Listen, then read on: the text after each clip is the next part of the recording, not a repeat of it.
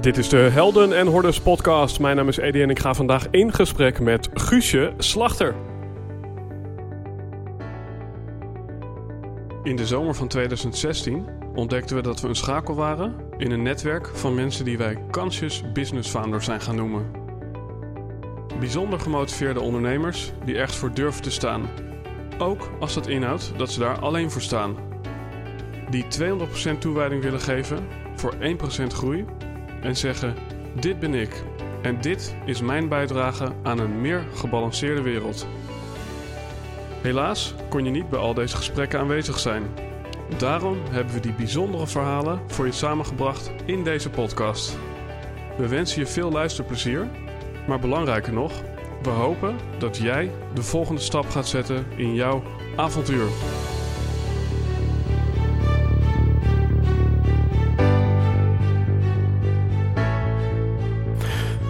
Yes, ladies and gentlemen, opnieuw een wat jongere gast in de Helden en Hordes podcast. Want sommige mensen hebben gewoon een oude ziel en die moet je dan uitnodigen.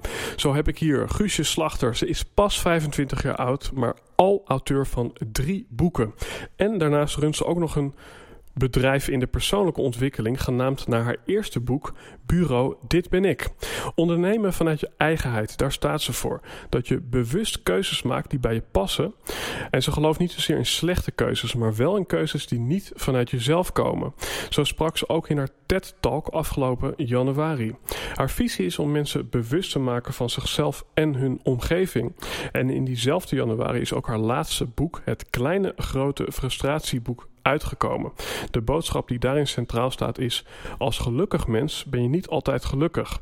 En het boek bevat allerlei hilarische oefeningen waar je op een sarcastische en cynische wijze aan de slag gaat met jouw grootste frustraties. Dus, beste luisteraar, zet een kop koffie of thee, ga even lekker zitten of liggen en druk op play. En Blijf vooral van het leven genieten en van deze mooie podcast met Guusje Slachter. Leuk dat je hier aan tafel zit. Leuk dat ik hier mag zijn. Zeker weten. Um, wat leuk is, ik heb uh, ooit in een vorige leven een boekwinkel bezocht in uh, het pittoreske Haarlem. En daar kwam ik een boek tegen. En uh, dat boek, dat kwam jij mij net laten zien. Ja. Wist ik veel dat jij de schrijver was van dat mooie boek. Dit ben ik, als ik het goed heb ja, onthouden. Ja, klopt. Um, nou ja, om er nog een laag aan toe te voegen. ik heb een compagnon. En een compagnon uh, die dacht, weet je wat, ik koop eens een leuk boekje. En dat boekje dat heette Het Kleine Grote Frustratieboek. En uh, als dat alles uh, niet was, dan bleken we ook iemand te, te volgen op Instagram. Die ook nog op TEDx had gesproken. Dus beste Guusje, ik weet niet of je nu op dit moment, hoe, hoe oud je precies bent. Ik ben nou ja, bijna 25. Bijna 25? Ja. Hoe is het om op die leeftijd al beroemd te zijn? Wat doet dat met je? Nou, ik ben echt helemaal niet beroemd hoor. Nee, nee, nee, dat niet. Nee, ik, um, ik doe vooral... Ik mag heel veel dingen doen die ik leuk vind. En uh, toevallig krijg je daar dan af en toe net erkenning voor.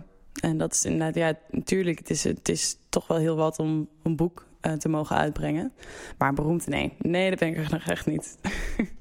Ik word wel heel soms gaan mensen mij aanspreken dat ik heel erg veel op maan lijk. Maar dat is het dan ook. Dus mm -hmm. dat is het dichtst in de buurt wat ik misschien aan Insta-famous kom. Maar dat is het dan ook. En uh, dit is al je derde boek. Ja, klopt. Oude ziel, denk ik dan. Ja, en dat heb ik wel van uh, veel mensen altijd mogen horen. Ik vind dat het nog steeds een beetje raar om dat over mezelf te zeggen. Mm -hmm. Omdat het toch wel, ik vind het wel een heel groot compliment altijd als ik het krijg.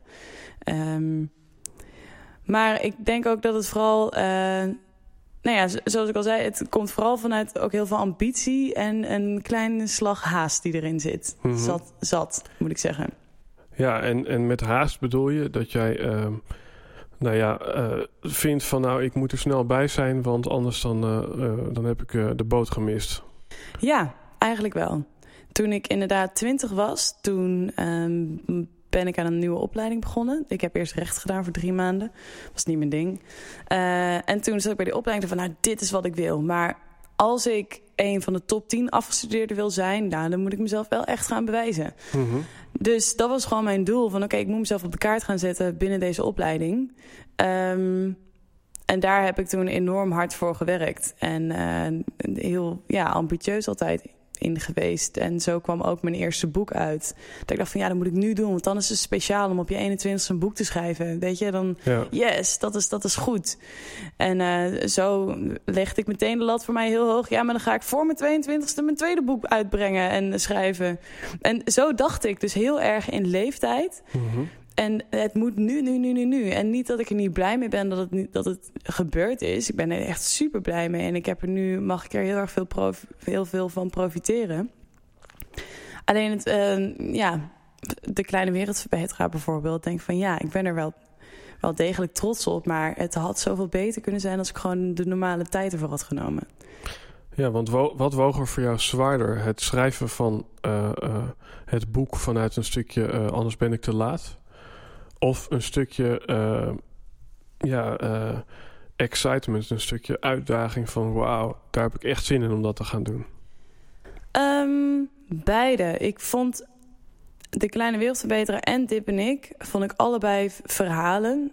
Zo je het kan noemen. Want het eerste boek is natuurlijk ook heel veel opdrachten. Maar vond ik allebei een idee wat ik dacht van dit wil ik nu uitgewerkt hebben. En dat past heel erg binnen deze tijdsgeest die nu speelt.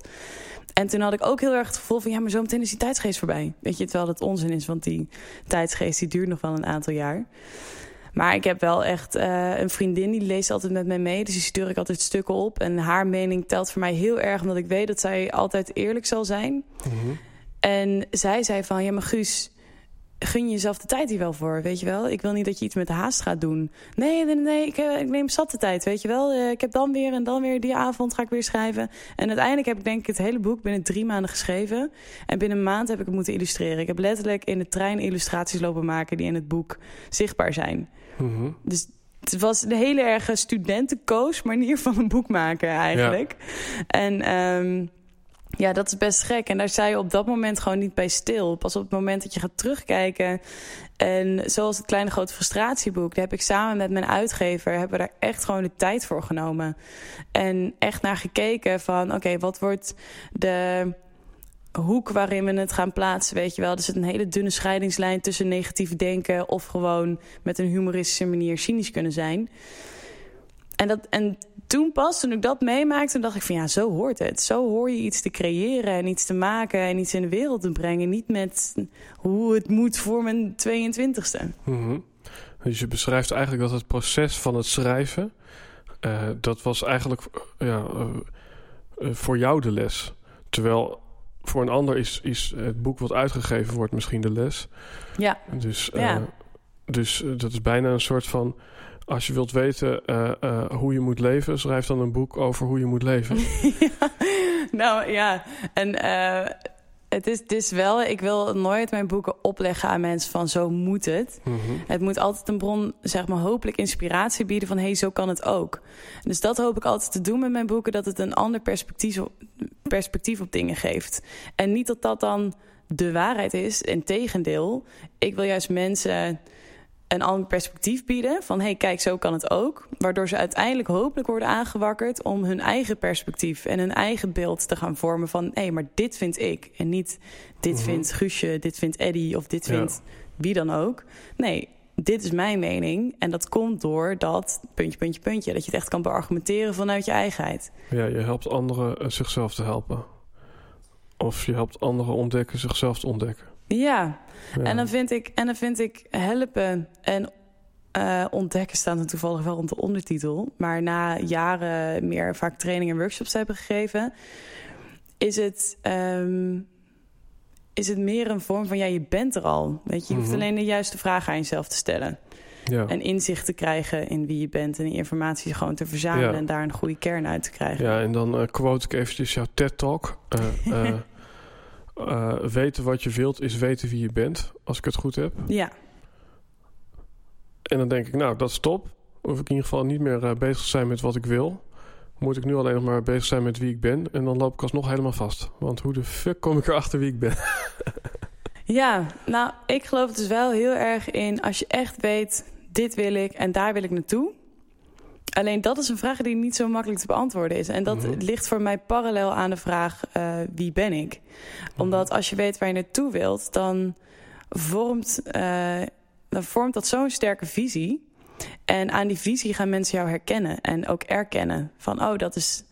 En zoals ik, mijn grootste inspiratiebron voor deze manier van uh, ja, hoe ik het zeg maar zie dat een visie vormt en waar de quote vandaan komt, weten wat je wil, is weten wie je bent, uh, is voor mij eigenlijk Martin Luther King. Omdat hij had zo'n sterke visie en had zo'n sterk verhaal wat hij vertelde, dat daaromheen zijn, nou ja, brand is gecreëerd. Mensen mhm. gingen hem daarin volgen. En niet honderden mensen, maar miljoenen mensen uiteindelijk nog steeds. En met dat voor hetzelfde verhaal ging hij de geschiedenis in. En daar geloof ik dus heel erg in van... wat is jouw visie? Waar wil je naartoe? En welk verhaal vertel jij? Mhm. En waarom zouden mensen jou daarin wel of niet moeten volgen?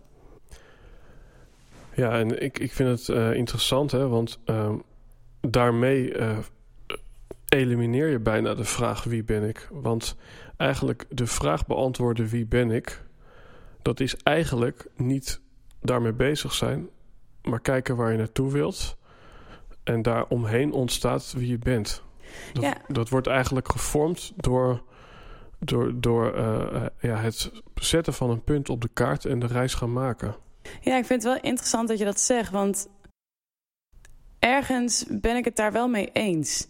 Omdat wie ben ik is van zoveel dingen afhankelijk. Ook als je gewoon puur kijkt naar neuropsychologie. Uh, word jij voor 90% in jouw keuze beoordeeld door je omgeving. Um, en er was een vrouw, en nu kom ik niet op haar naam. Dat is dan weer zo jammer. Maar ik weet dat zij een documentaire heeft gemaakt dat ze naar de woestijn ging. En dat ze erachter kwam omdat er in de woestijn niks was. En er geen omgeving was waaraan zij zichzelf kon spiegelen. Haar eigen identiteit daarin verdween. Omdat. En ja, ja. Dus daarom vind ik ook zeg maar de vraag wie ben ik is van zoveel factoren afhankelijk die buiten jou begeven. Ja. Dat op het moment dat jij richting geeft, zal zeg maar die vraag zich daar ook in diezelfde richting gaan bewegen. Ja, ja, en dat vind ik mooi. Hè? Maar ik, ik zou me wel kunnen voorstellen dat er daar nog een niveau onder zit. Dus wat ik jou hier hoor beschrijven in de vraag wie ben ik...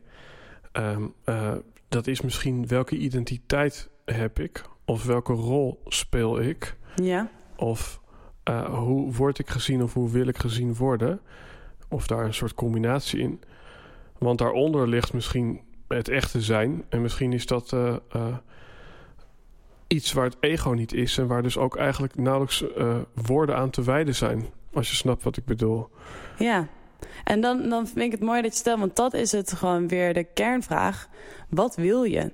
Ja. En als je die vraag kan beantwoorden voor jezelf, wat je echt in je diepste van je hart verlangt en wilt, ja. dan geloof ik dat, daar, dat het gewoon, nou ja, parallel, nou, misschien wel gewoon datgene is wie je bent. Mm -hmm. Als je die vraag kan beantwoorden. Ja.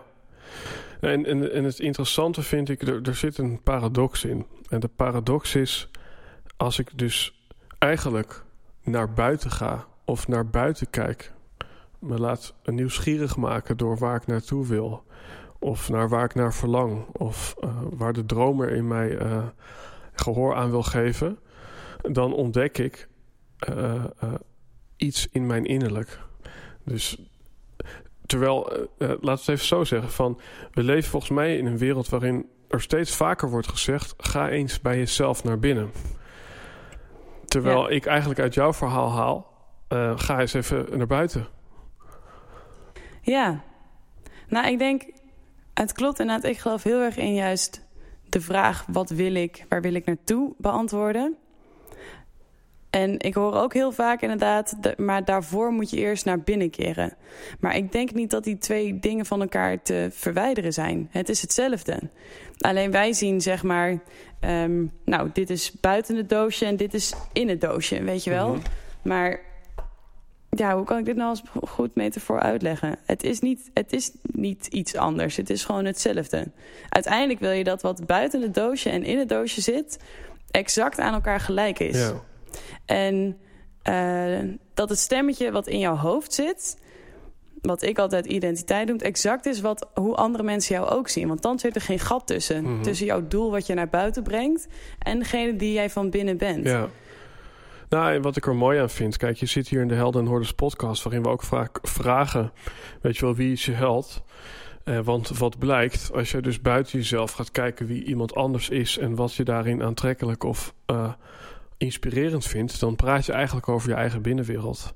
Dus eigenlijk het iets buiten jezelf uh, ja, duiden of ja, leuk vinden, dat is als het ware naar binnen toe ehm, antwoord geven op, op, op wie jij bent. Ja. Dus ja, of je kan ook zeggen, weet je, een munt heeft een, uh, een munt is pas een muntstuk als het, als, een, als het een kop en een munt heeft. Um, en toen kwam je op iets moois en dat ga ik nu even doen. Dames en heren, een heel bijzonder moment. Een commercial break, want zij pakt hier net een heel mooi doosje wat open en dicht kan, maar hier zat iets in. Dus je kunt wel zeggen, deze aflevering is mede mogelijk gemaakt door Teddy Burger. Uh, letterlijk en figuurlijk, want uh, wij hebben net daar ons maag mee gevuld en anders hadden we dit gesprek niet kunnen voeren. En dan denk je, jezus mensen, waar gaat het heen? We zaten net zo lekker in. Maar ook hier zit een haakje aan. Want um, ja, uh, er was blijkbaar iets van jou. Die vond het heel belangrijk om podium te geven aan uh, Teddy Burger. Ja, dat klopt. En wat, wat is dat aan jou? Uh, dat, dat stukje wat eigenlijk zegt van... Um, nou, we moeten even een foto maken, Eddie. We moeten dit op Insta zetten. En toen zei Eddie, nou, we doen het wel even in de podcast. Wat is dat in jou? Nou, um, ja, gewoon het hele... Ja, ik kwam binnen, we gingen iets eten... en ik moest meteen denken, ja, teddyburgers. Want ik wil dat hun gewoon groot worden in wat ze doen. Omdat um, wat zij doet, Laura is hetgene... en ik ken dan haar... Uh, ik, oh, ik weet nog niet of het nou echtgenoot nog is... of dat ze al met elkaar getrouwd zijn. Sorry Juriaan en Laura daarvoor. Um, maar in ieder geval... Wat zij doet is zoiets vanuit haarzelf, zo authentiek. En als voor mij iets authentiek is, dan heb je zoiets van ja, dit moet de hele wereld weten. En dat vind ik heel gaaf altijd. Als, mm -hmm. je, je voelt gewoon wanneer iets wanneer iemand iets aan het doen is, dat helemaal vanuit zijn eigenheid komt. Dat -hmm. bedoel ik weer met dat willen, weet je wel. Die is iets aan het opzetten, iets aan het maken, iets aan het creëren.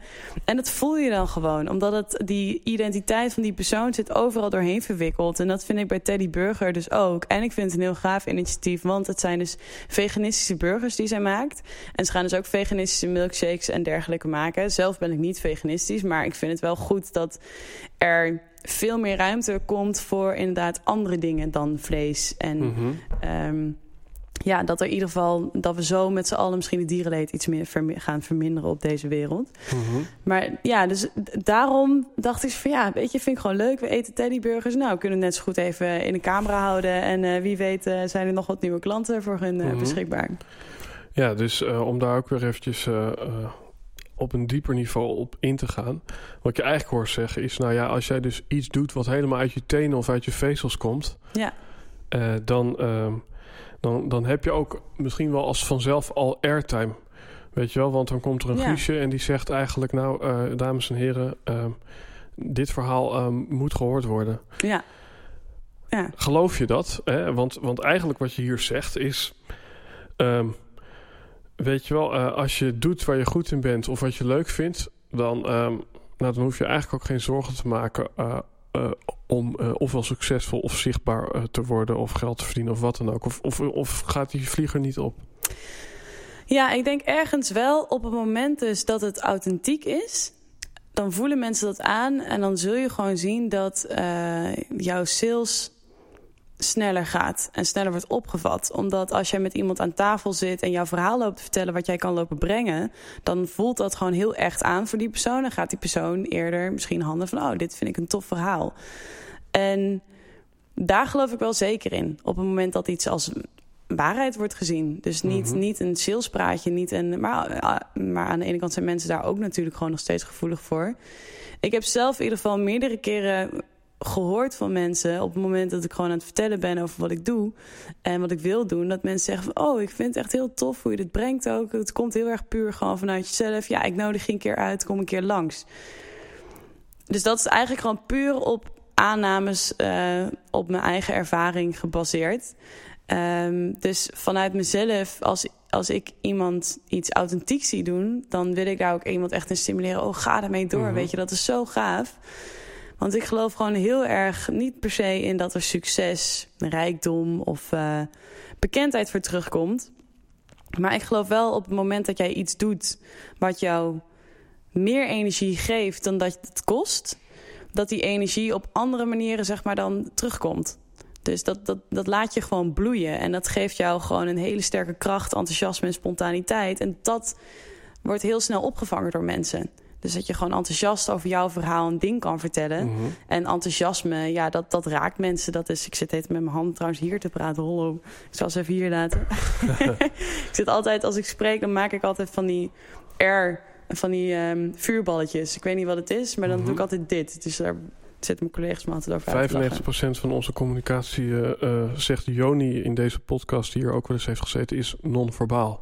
Ja, Dus eh, voor de doven onder ons, tegenwoordig zijn we er ook voor jullie.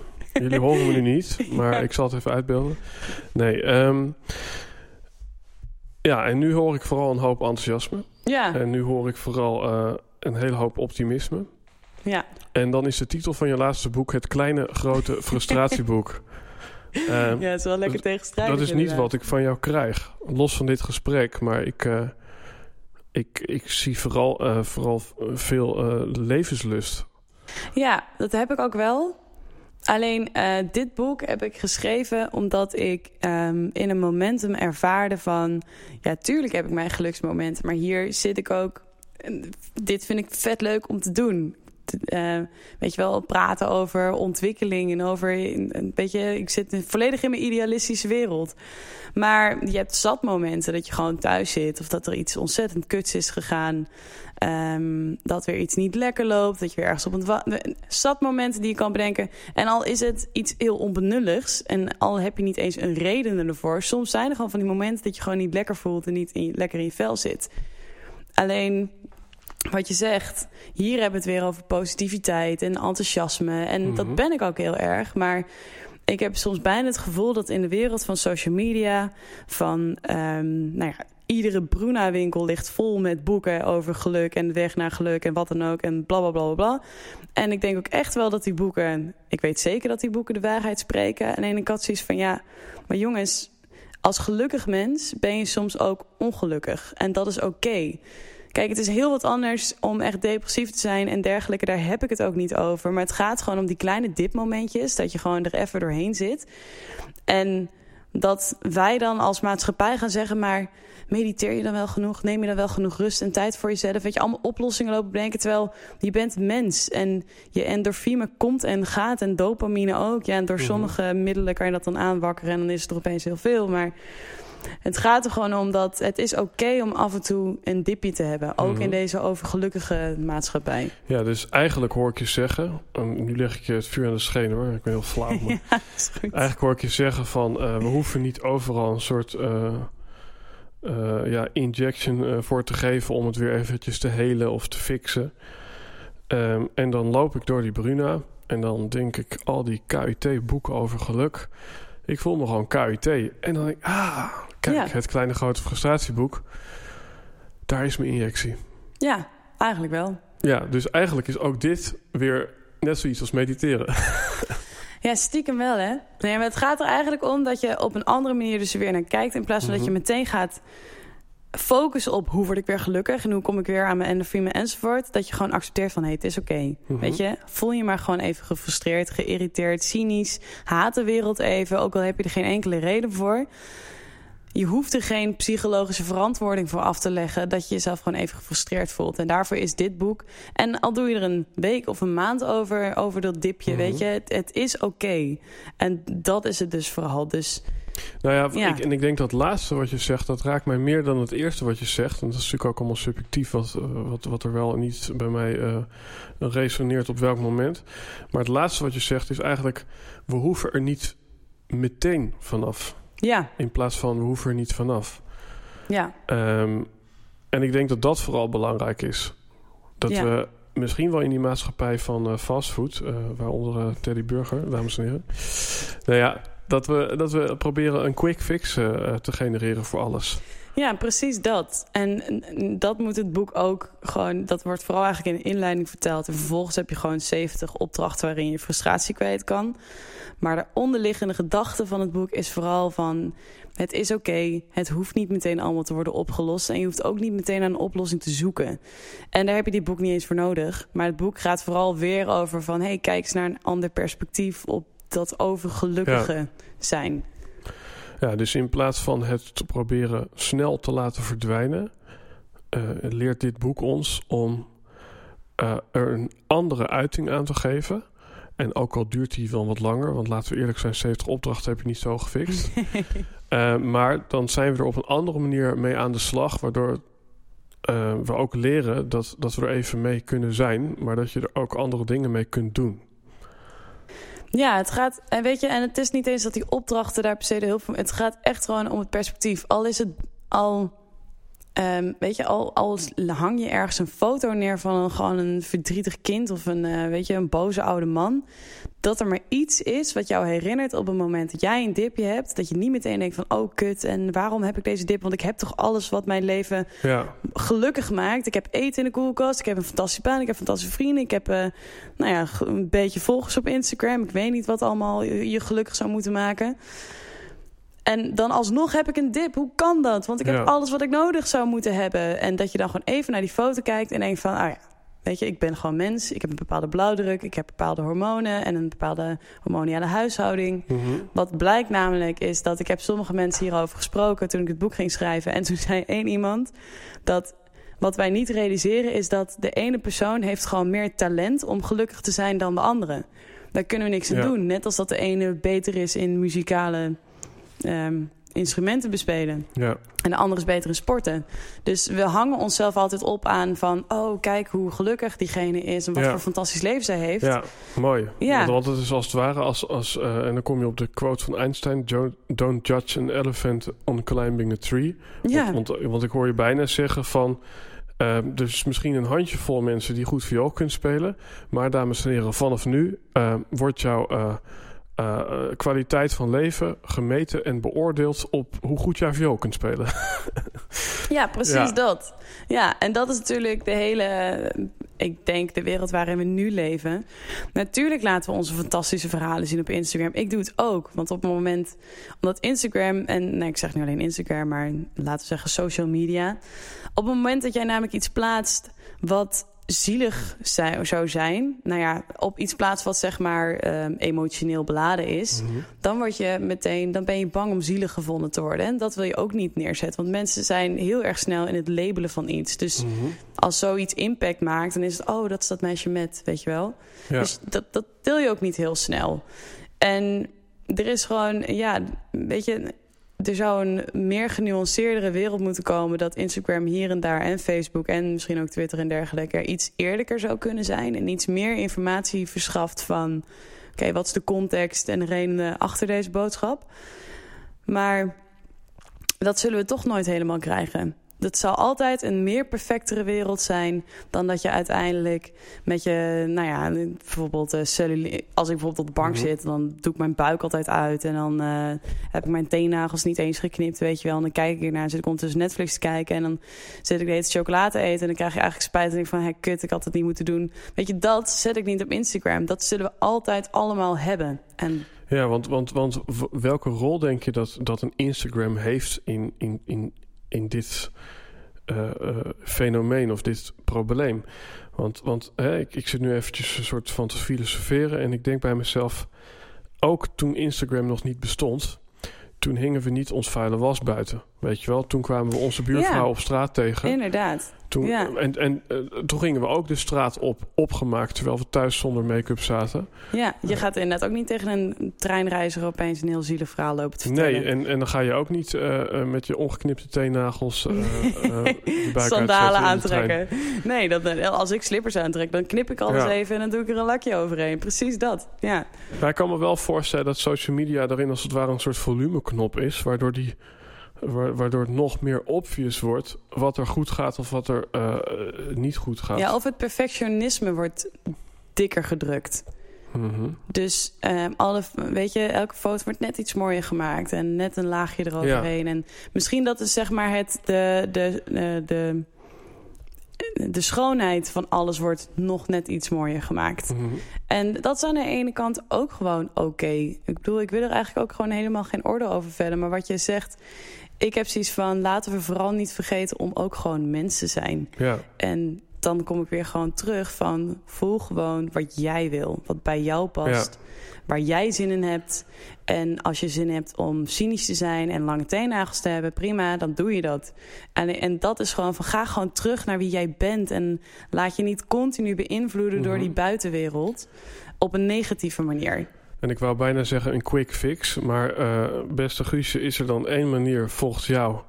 eh, waardoor je inderdaad weer eventjes gaat doen wat jij wil? Of daar even contact mee maakt? Ja, ik heb. ehm, eigenlijk ben ik er. Ik ben ook nog geen goeroe, weet je. Ik bedoel, ik ben bijna 25. Dus ik, ik, ik zeg maar, ik weet een bepaalde manier van werken. waardoor ik heel veel mensen eh, kan stimuleren in, in zichzelf te leren kennen en zelfkennis op te doen. Maar het is voor mij ook altijd nog steeds heel veel leren en Mhm. luisteren vooral. En waar ik nu het meeste van leer is om continu te luisteren. En als dingen op een bepaalde manier als een derde persoon te kunnen zien. Dus een hele sterke manier van zelfreflectie toepassen. Mhm. Dus op het moment dat jij een eh, confrontatie met iemand hebt, op het moment dat jij dat iets niet lekker voelt, weet je, als je ergens een knoop in voelt zitten, dat je dan dus ook echt gaat onderzoeken, oké, wat is dat? Wat is de kern daarvan? En waar komt dat eigenlijk vandaan? En het gesprek gewoon aangaan met iemand en dan echt luister naar wat iemand te vertellen heeft. Mhm. En vraag door waar diegene zijn mening, eh, ratsoen of dergelijke vandaan komt. Want wij zijn een parallel gesprek aan het voeren met elkaar. Maar jij bent Eddie en jij bent ooit geboren en je hebt een hele eh, ervaring opgedaan al. En er zijn allemaal interpretaties uitgekomen. Jij interpreteert mijn woorden op een bepaalde manier. Maar taal is eigenlijk maar iets wat door jouw bewuste brein wordt gepro- hoe noem je dat? Geprogrammeerd. Ik weet niet of ik nu het juiste woord zeg. In ieder geval Verwer- verwerkt misschien. verwerkt Ja. inderdaad. Want die 90% van het brein die heeft enorm veel prikkels en die heeft bepaalde emoties gekoppeld aan woorden. Mhm. En dat neem je op van mij. En vervolgens vertaal je dat dus voor jezelf en dan spreek jij weer woorden naar mij uit en dan moet ik dat weer opnemen. En dan hoop je dus dat je ongeveer op hetzelfde level zit. Maar kan je nagaan hoeveel ruis er eigenlijk zit in non-verbale en verbale communicatie. Omdat Ja. wij gewoon uit totaal verschillende levenswerelden komen. Ja. En wij zijn dan nog volgens mij allebei in Nederland geboren. Ik volgens mij jij ook, toch? Mhm. Nou, dus kan je nagaan als je in een totaal ander land bent geboren. Hoeveel ruis daar gewoon tussen zit, tussen twee mensen. En dat vind ik het belangrijkst. Luister naar mensen, echt. Ja. Op een, op niet alleen verbaal, Weet, non-verbaal. weet je wat ik het mooie vind hier? Kijk, je zou kunnen zeggen dat meditatie iets is om die ruis tijdelijk eventjes weg te halen. Ja, Ehm, weet je wel, de mindfulness, dat is een soort van vind rust in je drukke leven. Hè, ook daar zijn meerdere, eh, denk ik, interpretaties voor te bedenken. Maar ja, dat is misschien wel mooi om dat te delen. Ik zit hier nu als degene die eh, eh, eh, luistert. In ieder geval, dat is een soort van de rolverdeling. Nou goed, het zal meer een dialoog zijn, want ik ben ook niet echt een luisteraar. Ehm, maar, maar ik heb toen een keertje ontdekt bij een, een podcast dat ik ook bij iemand anders in de uitzending kwam. Toen moest ik eerst mijn eigen verhaal vertellen voor zijn podcast een uur lang. En daarna ging het de andere kant op. Toen ging diegene mij. eh, nou ja, snap je? Dus één keer Ja, moest ik ja, naar hem ja. luisteren, en de andere keer. Nou, je snapt hem. En toen merkte ik, toen moest ik echt binnen twee minuten omschakelen van. Ik vertel wie ik ben een uur lang, naar ik luister naar wie jij bent een uur lang. En toen merkte ik wat een andere energie er zat op luisteren en vertellen. En dat als ik vertel, dan zat ik met mijn hoofd ergens daarboven en dan keek ik ook daarboven. ja, En dan zat ik niet eens in mijn lijf. Maar als ik luisterde, dan nam ik de ander waar. Dan, dan zat ik echt in mijn stoel. En toen merkte ik, hé, hey, wacht eens even. Luisteren is bijna een soort van meditatie op zichzelf. ja, ja. En nu ben jij schrijver van een boek. Maar dan komt de vraag bij me op. Ik ben schrijver van meerdere boeken. Enerzijds zou je dat kunnen definiëren als, als vertellen. Ja, Maar om tot interessante inhoud te komen die een ander misschien aanspreekt, moet je misschien ook luisteren. Klopt dat? ja, absoluut. Ik heb, ehm, ik bedoel, ik was twintig toen ik mijn eerste boek ging schrijven over dus persoonlijke ontwikkeling. Toen nog onder de noemer personal branding. En ik had zoiets van, ja, ik ben een groepje van twintig. Ik moet gewoon eh, heel veel kennis opdoen in dit vakgebied. Dus ik ging inderdaad heel veel luisteren naar mensen. En dat was voor mij echt een enorm omslagpunt. Want ik was altijd iemand die enorm eigenwijs was. Ik had altijd mijn eigen mening klaar. En dat zou dan ook gebeuren ook. Wat bijna misschien ook een stukje ego was daarin. En inderdaad, ik ging echt luisteren naar mensen. Wat vertelt iemand nou? Wat is iemand zijn verhaal? En hoeveel lessen je kan halen als je gewoon met iemand spreekt. En dat vind ik gewoon iets heel gaafs. Als, je, als iemand echt op een, ik weet niet of, of ik dit kan, op een authentiek niveau spreekt, dan kan je daar zoveel lessen uit halen. En dat is inderdaad zeker. Het is, het is, het is ja, dus wat ik, wat ik bedoel is, wil je iemand en jezelf echt leren kennen, luister, luister gewoon. Mhm. En luister ook wat je opneemt en wat je oppikt. En waar jij op reageert. En wat je interessant vindt. Want dat vertelt ook weer juist heel erg veel over jezelf. Ja. En ik denk dat de, de meeste mensen, en dan heb je het weer over dat uitvergroot op social media, hè, maar social media is vooral eh, eh, vertellen hoe het met jou gaat, eh, .nl. Ja. En ehm, ja, ter- terwijl daar, daar was ik laatst met mijn compagnon eh, een beetje achtergekomen van eh, we gingen wat reageren op mensen. En je groeit veel sneller in volgers als je reacties plaatst onder anderen. ehm, dan dat je zelf dingen post. Als, Ja. je, als je snapt wat ik bedoel. Dus Ja. daar zit ook weer eigenlijk het, het luisteren wordt meer beloond. Ja, Dus daar zit een soort paradox in. Want blijkbaar vinden we dat een, ja, belangrijk om gehoord te worden of gezien te worden. Ik wil eventjes eh, echt even een stapje het boek induiken nu. oké. En, en dan vraag ik me gewoon eventjes af van... Hey, eh, het kleine grote frustratieboek staan 70 oefeningen in. Ehm, dan wil ik eerst eventjes een soort van use case van een frustratie. Dus eh, nou, dan pakken we even een probleem. Ja, En dan vervolgens dan pak jij een eh, eh, oefening uit het boek om eh, die frustratie op te lossen. oké. Wat is, wat is wat jou betreft nou echt een, een veel gezien of gehoord probleem? Oeh, eh, ik denk dat het vandaag tussen alle reizigers tussen Amsterdam en Haarlem drukke treinen waren. Mhm. Denk ik. Ja, Of treinen die niet gingen vooral. oké. En eh, dan frustreer je. Aan, aan wat frustreer je op dat moment?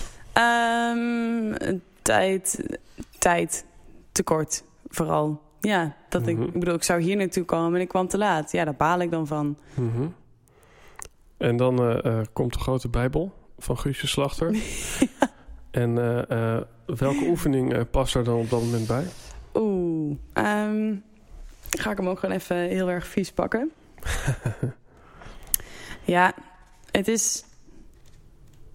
Ik denk dat het boek het leukste is als je niet één voor één doet... maar dat je hem gewoon random op een pagina openslaat. Nou, bijvoorbeeld deze. De Heb ik een kutleven quiz. en dan is het ga na welk van de volgende scenario's jij hebt meegemaakt. Per scenario krijg je één punt. Tenzij er anders vermeld staat. Tel de punten bij elkaar op en zie op de volgende pagina je uitslag. En dan, heb je, dan, dan mag je ze dus gaan invullen. En dan, ehm, om het even te rennen, dus dan heb je bijvoorbeeld van nou, op een bus staan wachten die vervolgens doorreed. Toen je niet op zat te letten, omdat je even was vergeten dat sommige buschauffeurs verwachten dat je zwaait als je in je eentje in de middle of fucking nowhere op een bushokje zit te wachten. Ehm, dus dan, dan krijg je dus één punt als je dat ooit hebt gehad. Eh, drie is jarig zijn in december. Ehm, deze vind ik zelf wel heel erg leuk, want deze slaat enorm op mezelf namelijk. Ik moest mezelf natuurlijk ook punten geven. Een hopeloze romanticus zijn die veel te veel Disney-films heeft gekeken... waardoor je nu in het oversekse milieu als verloren en naïef klein muisje... tussen de seks en de konijnen jouw ware liefde probeert te vinden. Die vond ik wel erg gezellig. Ehm, nooit sarcasme kunnen aflezen bij mensen... maar alles altijd veel te serieus nemen. Eh, een glutenallergie heb ik, zit er ook tussen. En dan eentje ook nog om het even allemaal te relativeren. Ehm, oh ja, elke dag 10 kilometer moeten lopen voor schoon drinkwater. Dan krijg je dus 100 punten. Dat is de enige die waar even meer punten krijgt. En Mhm. dat is dus de laatste. Dus je hebt vier ehm kutlevens die je kan hebben. 0 tot 2 punten is waar zeur je om, je verdient het boek niet eens. En daaronder staat dan een uitleg. En 2 tot 10 punten is een medium kutleven. Dan 12 tot 22 punten is een zwaar kutleven. En dan 100 punten is geen oordeel. En het is een beetje om zeg maar, het gezeik en gesneuvel ook een beetje te relativeren. Wij als westerse verwende goudapen zijn inderdaad echt zeikers. Wij weten niks van het hebben van niks. Wij hebben alles en daarom niks. En dat is om ook, ik bedoel, aan de ene kant, ja, waar kunnen wij nou echt gefrustreerd op zijn op het moment dat je alles kan kopen wat je wil en dergelijke. Dat- Mhm. Dat je denkt, oké, even met een knipoog, het is oké. Maar het moet vooral zijn van, hé, hey, jij kan er niks aan doen dat je in Nederland bent geboren, dus tada, dit boek. Ja. eigenlijk, al, al die oefeningen, daar zit natuurlijk een hele eh, dosis humor in. Ja. En Hoop ik tenminste. Ik weet ja, niet. te, te, weet je het onderwerp is natuurlijk vrij zwaar. Uh, in de zin van uh, frustraties en uh, ondanks eigenlijk het goede leven je, jezelf gewoon vreselijk voelen. Um, is, is humor voor jou een, een wapen? Of, of heb je het boek geschreven om, om jezelf te dwingen om er met humor naar te kijken? Of, of, of, of ben jij iemand die altijd uh, kan lachen als een soort bevrijding van de ernst? Ja, ik vind het lastiger, want wat je daar net zegt, uh, verdwijnen inderdaad echt dat je in de routine gewoon langzaam jezelf verliest. Er staat ook echt aan het begin van het boek. Ik vind dat wij in onze maatschappij ontzettend veel burn-outs en depressiviteit hebben. En uh, ik vind het verschrikkelijk aan hoeveel uh, zelfmoorden wij op dit moment hebben in ons land. Dus daar moet het boek ook zeker niet een knipoog aan geven. En dat ik denk van dat vind ik echt gewoon ernstig. En dat is ook echt niet de nuance of de oplossing van dat dit boek daarvoor de oplossing verre van zelfs. Mm -hmm. Dit is gewoon meer dat ik hoop dat we inderdaad met een knipoog gewoon kunnen accepteren van joh, af en toe is het even kut, zeik erom, lach jezelf vervolgens toe, weet je wel, van nou ja, wie weet is het morgen beter en wie weet niet. In plaats van in een soort van negatieve spiraal te komen van waarom word ik niet beter en waarom word ik niet gelukkiger en waarom heb ik niet alles, weet je wel, waarom voel ik me niet in de zevende hemel terwijl ik alles heb. En ik geloof als je er zelf zo op gaat fixeren op het hebben van geluk, dat je dan een hele negatieve spiraal van denkpatronen kan komen.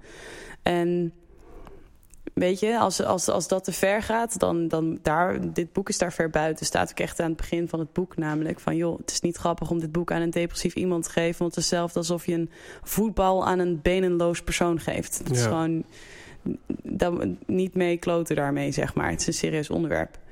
Mm. Dus dit boek is echt inderdaad wat jij zegt, gewoon... joh, even cynisch zijn, baal maar even. Weet je, schreeuw, schreeuw scheur, ja. kras en ja, wie weet sla je het boek met een lach weer dicht. En wie weet nog niet. Wie weet, dan gebeurt dat pas over een weekje of zo. Maar het moet vooral gewoon zijn, joh, stop met het fixeren. Laat het even los. Het is oké. Okay. Mm -hmm. Dat moet het vooral zijn. Niet meteen in oplossingen willen denken. En oeh, ga ik, wat ga ik dan doen? Ja, wat ik er ook uithaal, dat is misschien een zijspoor. Maar dat is als het ware het, ja, het, het, het kopen van een geluksboek. Of, of wat je ook doet om gelukkig te worden. Daarmee uh, zeg je eigenlijk uh, uh, van binnen... op dit moment ben ik niet gelukkig. Ja, of, eigenlijk wel. Want wat anders zou je het niet kopen. Ja.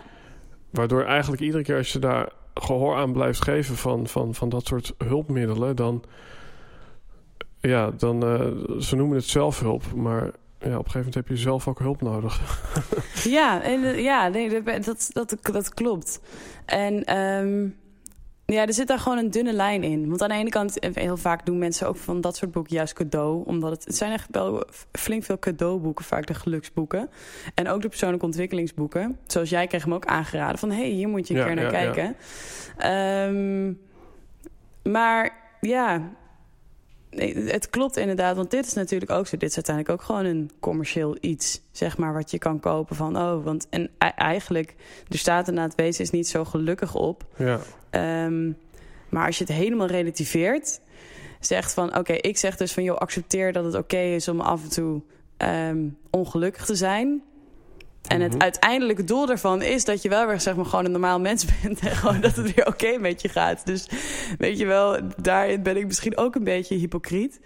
Maar ik geloof in dit perspectief, zeg maar. Dus dat je niet gaat fixeren op het hebben van geluk. Maar dat je dat gewoon even loslaat. En dat het oké okay is. En daar ja. hoef je niet per se dit boek voor te kopen. Helemaal niet zelfs. Maar ik, dit was voor mij een manier om dat perspectief eens een keer aan de maatschappij te geven. Van hé hey, mm -hmm. jongens waar zijn we nou mee bezig met z'n allen? Want we moeten naar de gym met z'n allen. We moeten een perfect lichaam hebben. We moeten perfect eten hebben. We moeten een perfect huis hebben. Perfecte vrienden. En dat ook nog een keer delen op social media. Kunnen we het met z'n allen misschien ook even gewoon loslaten? Weet je? Dat het gewoon oké is. Dat we mensen zijn. En dat we niet ubermensen zijn. Ja, en wat ik ook mooi vind. Het is als, als het ware het in-between moment. Want Weet je wel, het is vaak uh, dingen komen te sprake als het, als, als, het slecht gaat of als het goed gaat. En als het goed gaat, zetten we het op Instagram. Als het slecht gaat, dan vallen we ons uh, intimi lastig.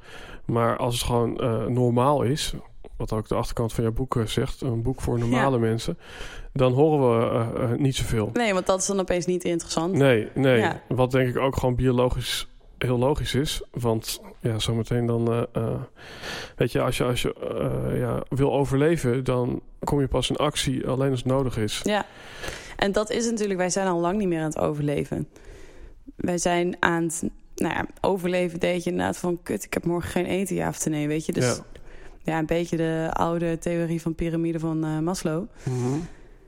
En, en dat denk ik dus, wij zijn niet meer aan het overleven. Het enige, we zitten nu in de fase dat we positieve psychologie hebben. Dus je bent eigenlijk normaal en dus je hebt een gemoedstoestand van gemiddeld een 6. Nou, hoe zorg ik ervoor dat die gemoedstoestand naar nummer 8 gaat? En dat Ja. is de positieve psychologie die we willen behandelen. Ehm, maar daarin geloof ik dat je, ja, tuurlijk, en ik geef mezelf nu eigenlijk best wel, denk ik, een 8. Misschien op dit moment een Nee, ik zit, ik zit ook eens te denken van... Dat, dat hele stuk met, met gelukkig worden. Ik denk, als je gewoon bezig bent... Hoe vaak toets je dan überhaupt of je gelukkig bent? Ja, dat is ook waar. Klopt. Dus, dus, ja. dus, dus eigenlijk is, is het duiden van geluk... en daar een cijfer inderdaad aan geven... Of, ja. dat, dat, is, dat is altijd in een staat van, van, van gedachten... en nooit in een staat van lekker bezig zijn. Ja, Weet je wel, dus dat, dat, vind- dat, dat haal ik nu ineens, komt zo ineens bij me binnen.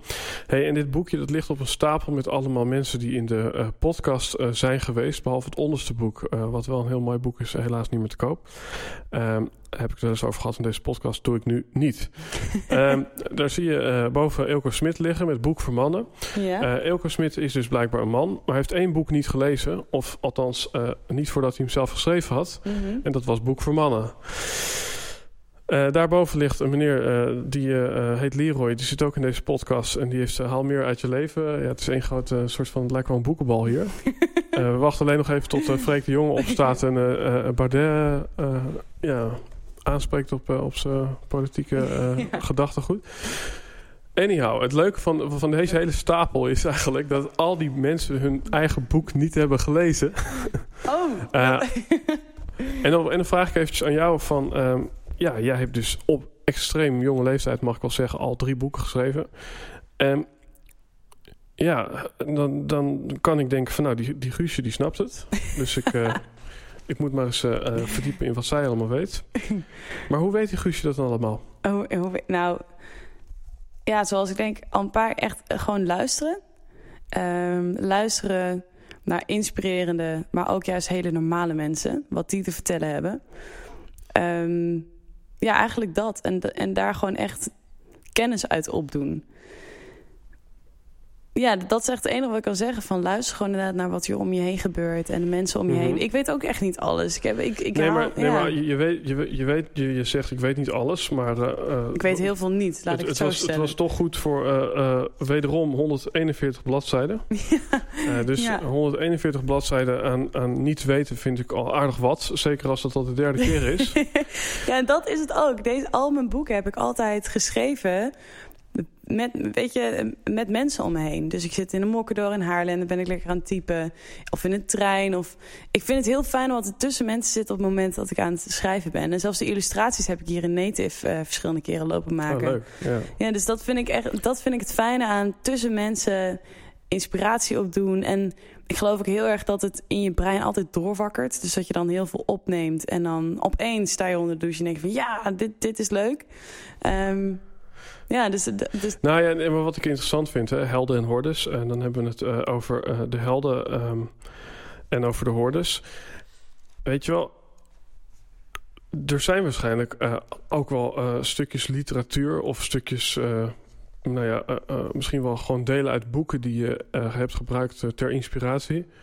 Dus, dus welke boeken heeft de schrijfster gelezen? Oeh, nou, dat is wel heel schaamwerkend. Ik heb dus nog, nog niet zo heel veel boeken gelezen. Het is wel heel erg, ja, het is echt gênant. Dit is echt, dit is mijn grootste valkuil, zeg maar. Maar ehm, ik hou heel erg van boeken die me of helemaal wegnemen. Mhm. Dus ik heb eh, Het Geheim van Yi. Dat is echt een fantastisch soort van fantasiewereld waar je in gaat. Maar dan heb ik bijvoorbeeld Harry Potter en Lord of the Rings heb ik niet gelezen. Dus heel erg. Ehm, maar Het Geheim van Yi kan ik zeker aanraden. Het is door een Franse schrijver geschreven. Fantastisch verhaal. Met een hele mooie onderliggende gedachte. Natuurlijk de alchemist. Mhm. Kan bijna niet anders. En op dit moment ben ik ontzettend fan van Hannemieke Meikema. Als Hannes Meikema. Ja. Ja, ik haal haar, ik haal haar, ze heeft onder pseudoniem geschreven. Dus ik haal haar pseudoniem soms door elkaar met haar echte naam. En de literatuur die zij heeft geschreven komt uit de jaren zeventig. En um, zij laat echt mensen zien in haar boeken. En dat vind ik zoiets gaafs. Het brengt allemaal zo dichtbij. En eh, je, je waant je in hele verschillende perspectieven van mensen. En dat vind ik iets heel gaafs. Dat ben ik op dit moment aan het lezen. En ja, dat, dat denk ik ook. Ik vind het interessante perspectieven. En te luisteren naar mensen. Goh, wat beweegt hun dan weer? En wat is hun beweegreden? En Hannemieke Meijkma doet het echt ontzettend goed in kaart brengen. Dus die lees ik op dit moment. En ja, daarvoor, wat heb ik gelezen? Ik, uh, Tijdwachters ben ik mee bezig. Vind ik ook. Dus dat soort boeken, weet je wel, waar je ook iets van leert. Mhm. Waar je iets voor terugkrijgt. En uh, ik moet er nog steeds Mijn Brein en dergelijke lezen. Nou, wat ik grappig vind ja, is... Wat ik, er ik ben wel... echt zo'n waslijst aan het opnoemen. Nee, nee, eh, wat ik grappig vind is... Um, ja, weet je wel, de, de, de vraag is van, uh, zijn schrijvers ook lezers? Weet je wel, zijn, oh, zijn, verteller, zijn vertellers ook luisteraars?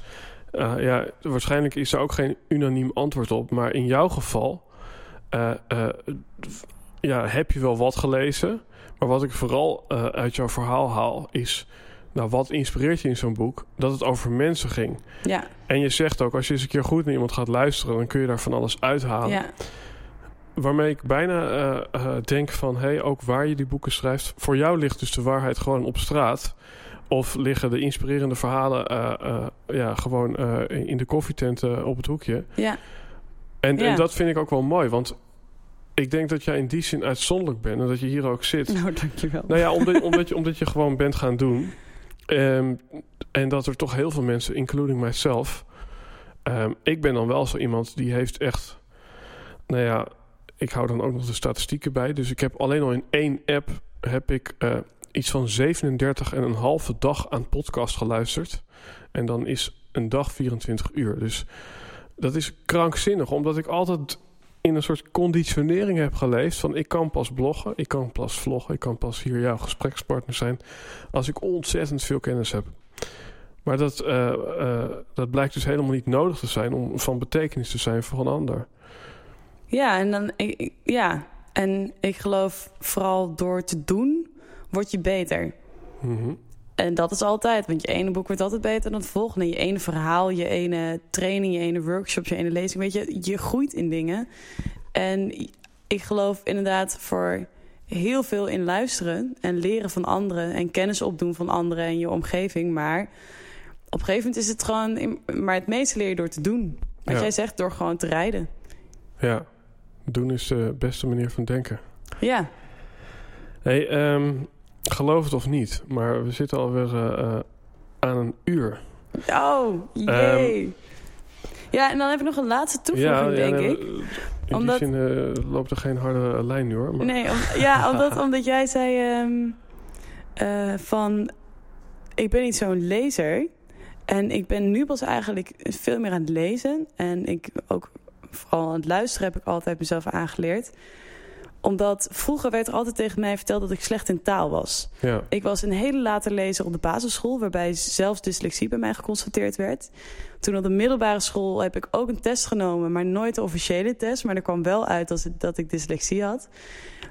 Dus er is tegen mij altijd verteld... je bent slecht in taal. Waardoor het lezen van boeken zeg maar dat ik dat heel snel mhm. aan de kant gooi. Van, uh, ja, weet je wel, dan ben ik toch heel langzaam mee. En ik doe 300 uur om één bladzijde uit te lezen. En dan lees ik hem ook nog een keer vier keer om hem te snappen. En het schrijven was voor mij helemaal een drempel om daarmee te beginnen. Mhm. Dus dan zeg je nou van ja, heel veel lezen. Maar uiteindelijk had ik zoiets van ja, nou ja, ik wil... Het ging bij mij niet om het schrijven bij mijn eerste boek. Het ging om het concept wat ik in de wereld wilde brengen. Mhm. En het idee wat ik zeg maar dacht van... hé, hey, maar dit vind ik gaaf, weet je wel. En het werkt en ik vind het leuk vooral. En ik geloof gewoon dat het echt iets leuks kan bieden... al is het voor een handjevol mensen.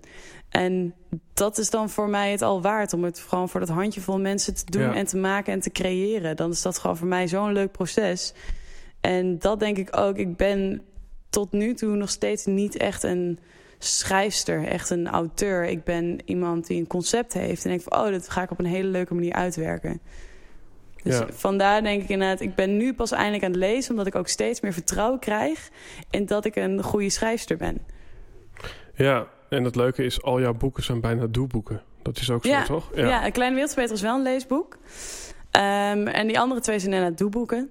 En ik ben nu, ja, mag ik dat zeggen? Ik ben nu bezig met, het eerste, met mijn eer, een eerste roman. Alleen Mhm. eh, die moet nog goedgekeurd worden door de uitgeverij. Mhm. Ehm, dus dat is, daar, ik zit in een hele spannende tijd. In ieder geval dat ik, dat ik misschien wel echt een keer mijn eerste roman mag gaan schrijven. En dat, dat, vind ik, dat is voor mij echt rete spannend. Ja, Ja. kijk, ik denk dat heel veel luisteraars van deze podcast... eh, ja, die bezig zijn met ondernemen of zelfhulp of wat dan ook... die, die kiezen daarbij vaak, denk ik, voor een persoonlijk ontwikkelboek... een zelfhulpboek, een non-fictieboek. ja. Ehm, wat, wat kan je uit een roman halen volgens jou? Als het gaat om persoonlijke ontwikkeling, ondernemerschap, doelen behalen. Niet. Dit boek, wat ik nu, die roman die ik nu aan het schrijven ben, voor, nou ja, niet zeg ik. Ik denk dat je uit heel veel romans heel veel wijze lessen kan halen. Maar de roman die ik nu aan het schrijven ben, is echt gewoon eh, op vermaakniveau. Dus even weg, even, even ergens anders aan denken. En het zou er altijd wel inzicht bieden, want iedere personage gaat altijd een leerroute door in ieder verhaal. Dus Ja. die leerroute ga je als lezer ook door. En dan kan je ook je eigen mening uit ophalen en je eigen Ja. ervaring Nou indelen. ja, en dan is natuurlijk de alchemist een mooi voorbeeld. Ja, precies. hoeveel mensen zijn er in actie gekomen door dat boek? Ja, precies. En ik merk bij mezelf ook de boeken die mij het meeste doen. En dat is bijvoorbeeld het boek eh, Jonathan Livingston Seagull. Wat eigenlijk gewoon de alchemist is, maar dan vanuit een vogeltje vertelt die eh, eh, boven zichzelf uitvliegt. eh, letterlijk en figuurlijk. Eh, en dan heb ik een boek Synchroniciteit, wat ook een soort opeenstapeling van verhalen zijn. Dus ik geloof dat verhalen op die manier ook heel sim- simulerend werken. Dus als het ware dat je het gaat doorleven en daardoor ook makkelijk in actie komt om het te gaan doen. En daarom vind ik het interessant, hè. Maar ook vind ik het interessant dat je eigenlijk zegt... hé, hey, ik ben nu bezig met een roman. Het is eigenlijk gewoon een eh, soort van eh, chill momentje, eh, plezierboek. Maar dat sluit natuurlijk ook heel erg aan op jouw boodschap... van we moeten niet altijd maar iets doen om ergens vanaf te komen... of ergens naartoe te gaan. Chill the fucking out, weet je wel. Ja, zolang je, zolang je het maar doet vanuit je eigenheid. Daar geloof ik in. Je mag, weet je, je, want soms dan, als ik de zin zeg, je moet ergens naartoe gaan en je moet een bepaalde visie hebben, dan kunnen mensen dat opvatten als een ook moet een, eh, weet je wel, ik, ik moet iets. Ehm, en het is wel wetenschappelijk bewezen dat als je een doel hebt in je leven, eh, dat je dan zeg maar gelukkiger wordt, hè, om het maar weer over geluk te hebben. Ehm, maar dat doel dat moet, hoeft niet per se iets wereldverbeteraarsachtig te zijn. Weet je, als je ergens naartoe aan het werken bent, maakt niet uit wat. Eh, dat is al gewoon heel erg wat. Ja. Maar als jij dus gewoon iets aan het doen bent omdat je het leuk vindt, wat wel een ja, einddoel interessant. heeft. Het is, Dat, dat, is eigenlijk, ja, zolang je het maar gewoon doet vanuit, vanuit hier, daar geloof Ja. ik gewoon heel erg in. Maakt niet uit dat je slechte keuzes maakt, Mhm. maar als ze maar echt zijn voor jou. Ja, het is ook alsof je de randvoorwaarden eh, te zwaar maakt. Dus weet je wel, wat ik eerder ook zei van... je hebt niet zoveel gelezen voor je ging schrijven. Voor heel veel mensen is dat een randvoorwaarde om te beginnen. Ja, Weet je wel? En een andere randvoorwaarde is... het moet of veel geld opleveren of heel veel mensen bereiken... voordat ik lekker mag gaan ondernemen of gaan doen. ja. En, en bij jou is het eigenlijk van... nou, als ik een handjevol eh, mensen, including mijzelf, eh, daarmee help... dan... dan mag je al beginnen. En wat blijkt, eh, eh, dames en heren, Guusje heeft al duizenden boeken verkocht. Ja, het is echt ja, zo. maar dat is, dat, dat is toch fantastisch dat je gewoon iets doet waar je zelf heel erg veel energie van krijgt. En waar Rempel, er zijn ook nog een paar mensen die er ook van genieten. Ja, ja. Weet je, en al zijn het er een paar, dan is het echt al gewoon fantastisch. Dan maak je een van een schilderij waar twee mensen naar, met wonderbaring aan het kijken zijn. Zolang je er zelf maar plezier het van hebt gehad. is, het- ja, exact. Het stomme is dus omdat heel veel mensen dus voor een soort mega impact Oh, gaan. Ja, we zien ze vliegen Hallo. inmiddels. Eh, eh, me- mensen gaan voor extreem veel impact. En omdat ze daar dan nog niet de how-to voor hebben gevonden, of de ervaring eh, of kennis missen, doen ze vaak niks. En dan krijg je dus een kloof tussen mensen die of eh, influencers zijn en heel erg succesvol, of mensen die thuis op de bank huilend met een zak chips met grote teennagels eh, zitten. Ja, en dat vind ik dan ook wel gevaarlijk. ja, dat vind ik wel gevaarlijk, want dat vind ik ook. Deze wereld, we zeggen altijd, ja, we zijn grijs met z'n allen, bla bla bla. Maar zo vaak denken wij zwart-wit. Van of het is het een Ja, of het is het ja. ander. Maar ik denk dat ongeveer de 1% is het ene uiterste, de 1% de andere. En die 99% die zitten lekker tussenin. En maakt niet eens waar, weet je wel. Ja. Het is toch grijs. Dus dat, dat heb ik ook. Dat ik van, joh, het is niet het een of het ander. Weet je, zolang het maar van, ja, nogmaals, zolang het maar echt vanuit jezelf komt. ja. En de meeste mensen die zitten dus in dat grijze gebied. En eh, dan is het zelfs zo dat de mensen die dus wel er ergens op die flanken zitten van, eh van supersucces of wat dan ook. Dat zijn vaak de mensen die eh, ja, of het eerste gaan om, omdat ze het veel hebben gebruikt. Of eh, ja, die extreem hevige depressie kennen. Dus vaak vinden we het ook helemaal niet fijn om, om, om heel anders te zijn. Want dat is natuurlijk ook de horde in deze podcast, de massa. We willen eigenlijk volgens mij ook helemaal niet zo anders zijn. Ja, eens en oneens. Ieder mens wil uiteindelijk erkend worden en gezien worden. Mhm. En dat heeft ieder mens op zijn hele eigen manier, die daar zijn dat je op een bepaalde manier die voldoening nodig hebt. En, ehm, dus, en dat, dat erkenning en dat gezien worden kan voor heel veel mensen zijn van, oh, ik wil anders zijn. Ja, Ehm, en, en op heel veel verschillende niveaus kan het ook geuit worden. Bijvoorbeeld de een doet het in kledingdracht, de andere doet het Ja. in ehm, wat voor levenspad die behandelt of wa- waar dan die ook naartoe gaat.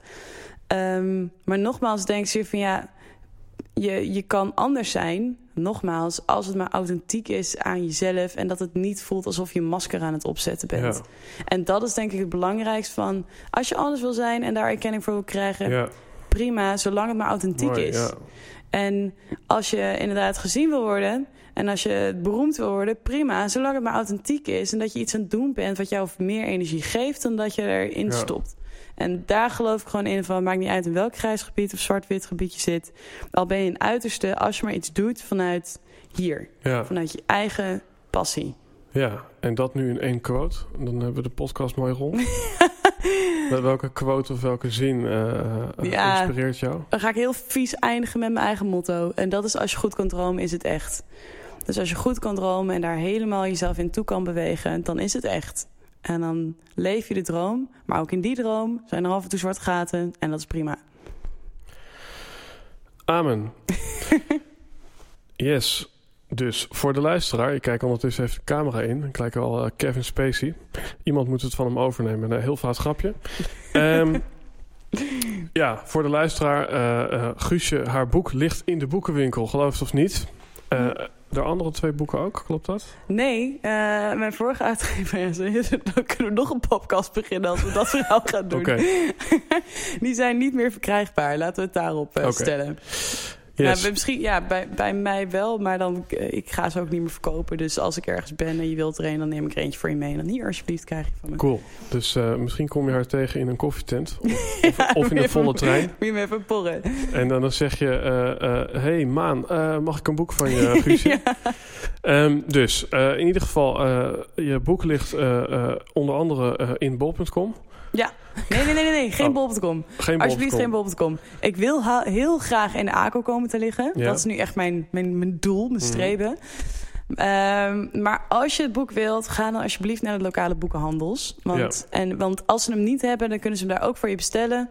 Want dat zijn onze handelaars, die willen we graag houden in de boekenwinkels. Dus niet bol.com, Yes. Sorry bol.com, ik, ik hou van je, ik bestel heel vaak bij je. Maar voor de boeken graag naar de boekenwinkels. yes. Ehm, verder, als je over deze aflevering wilt meepraten... hashtag Helden en Hordes op Facebook, Instagram en Twitter. Ja, we zitten nog steeds op Twitter. er zit niemand meer verder. Ik, maar, er eh, ja, ik heb ook zelf... Nou, dat is niet helemaal waar trouwens. Met, met hele bijzondere momenten zoals het Songfestival... eh blijken ineens heel veel mensen nog op Twitter te zitten.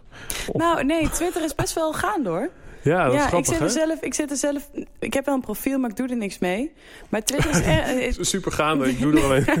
nee, nee, nee, maar ik weet dat eh, politiek, nieuws gerelateerd... en Ja. ehm, ook eh, klimaat en zo... daar is, gaat superveel uh, gebeurt ja, daar. klopt. Zou ik eens moeten kijken, eigenlijk. Dus eh, daar kan je meepraten over deze uitzending. Eh, eh, volg Guusje ook op Insta. Alles staat in de show notes. Ehm, ja, dan ga ik nog iets anders eraan eh, toevoegen. Wij zitten tegenwoordig op Patreon. En dan denk je, wat de fuck is Patreon. Patreon is een pagina uh, waar je ons kunt supporten. De Helden en Hordes podcast kun je supporten. Want geloof het of niet, uh, dit hier doen, dat kost geld. Um, en wij doen dat als een soort liefdewerk uit papier voor iedereen. Maar de rekening moet wel betaald worden. Dus voel je nou van, nou, ik ben zo iemand die alle afleveringen heeft geluisterd... en ik ben geabonneerd en ik wil nog meer leren... Uh, stroom dan niet om even naar patreon.com slash helden en hordes te gaan.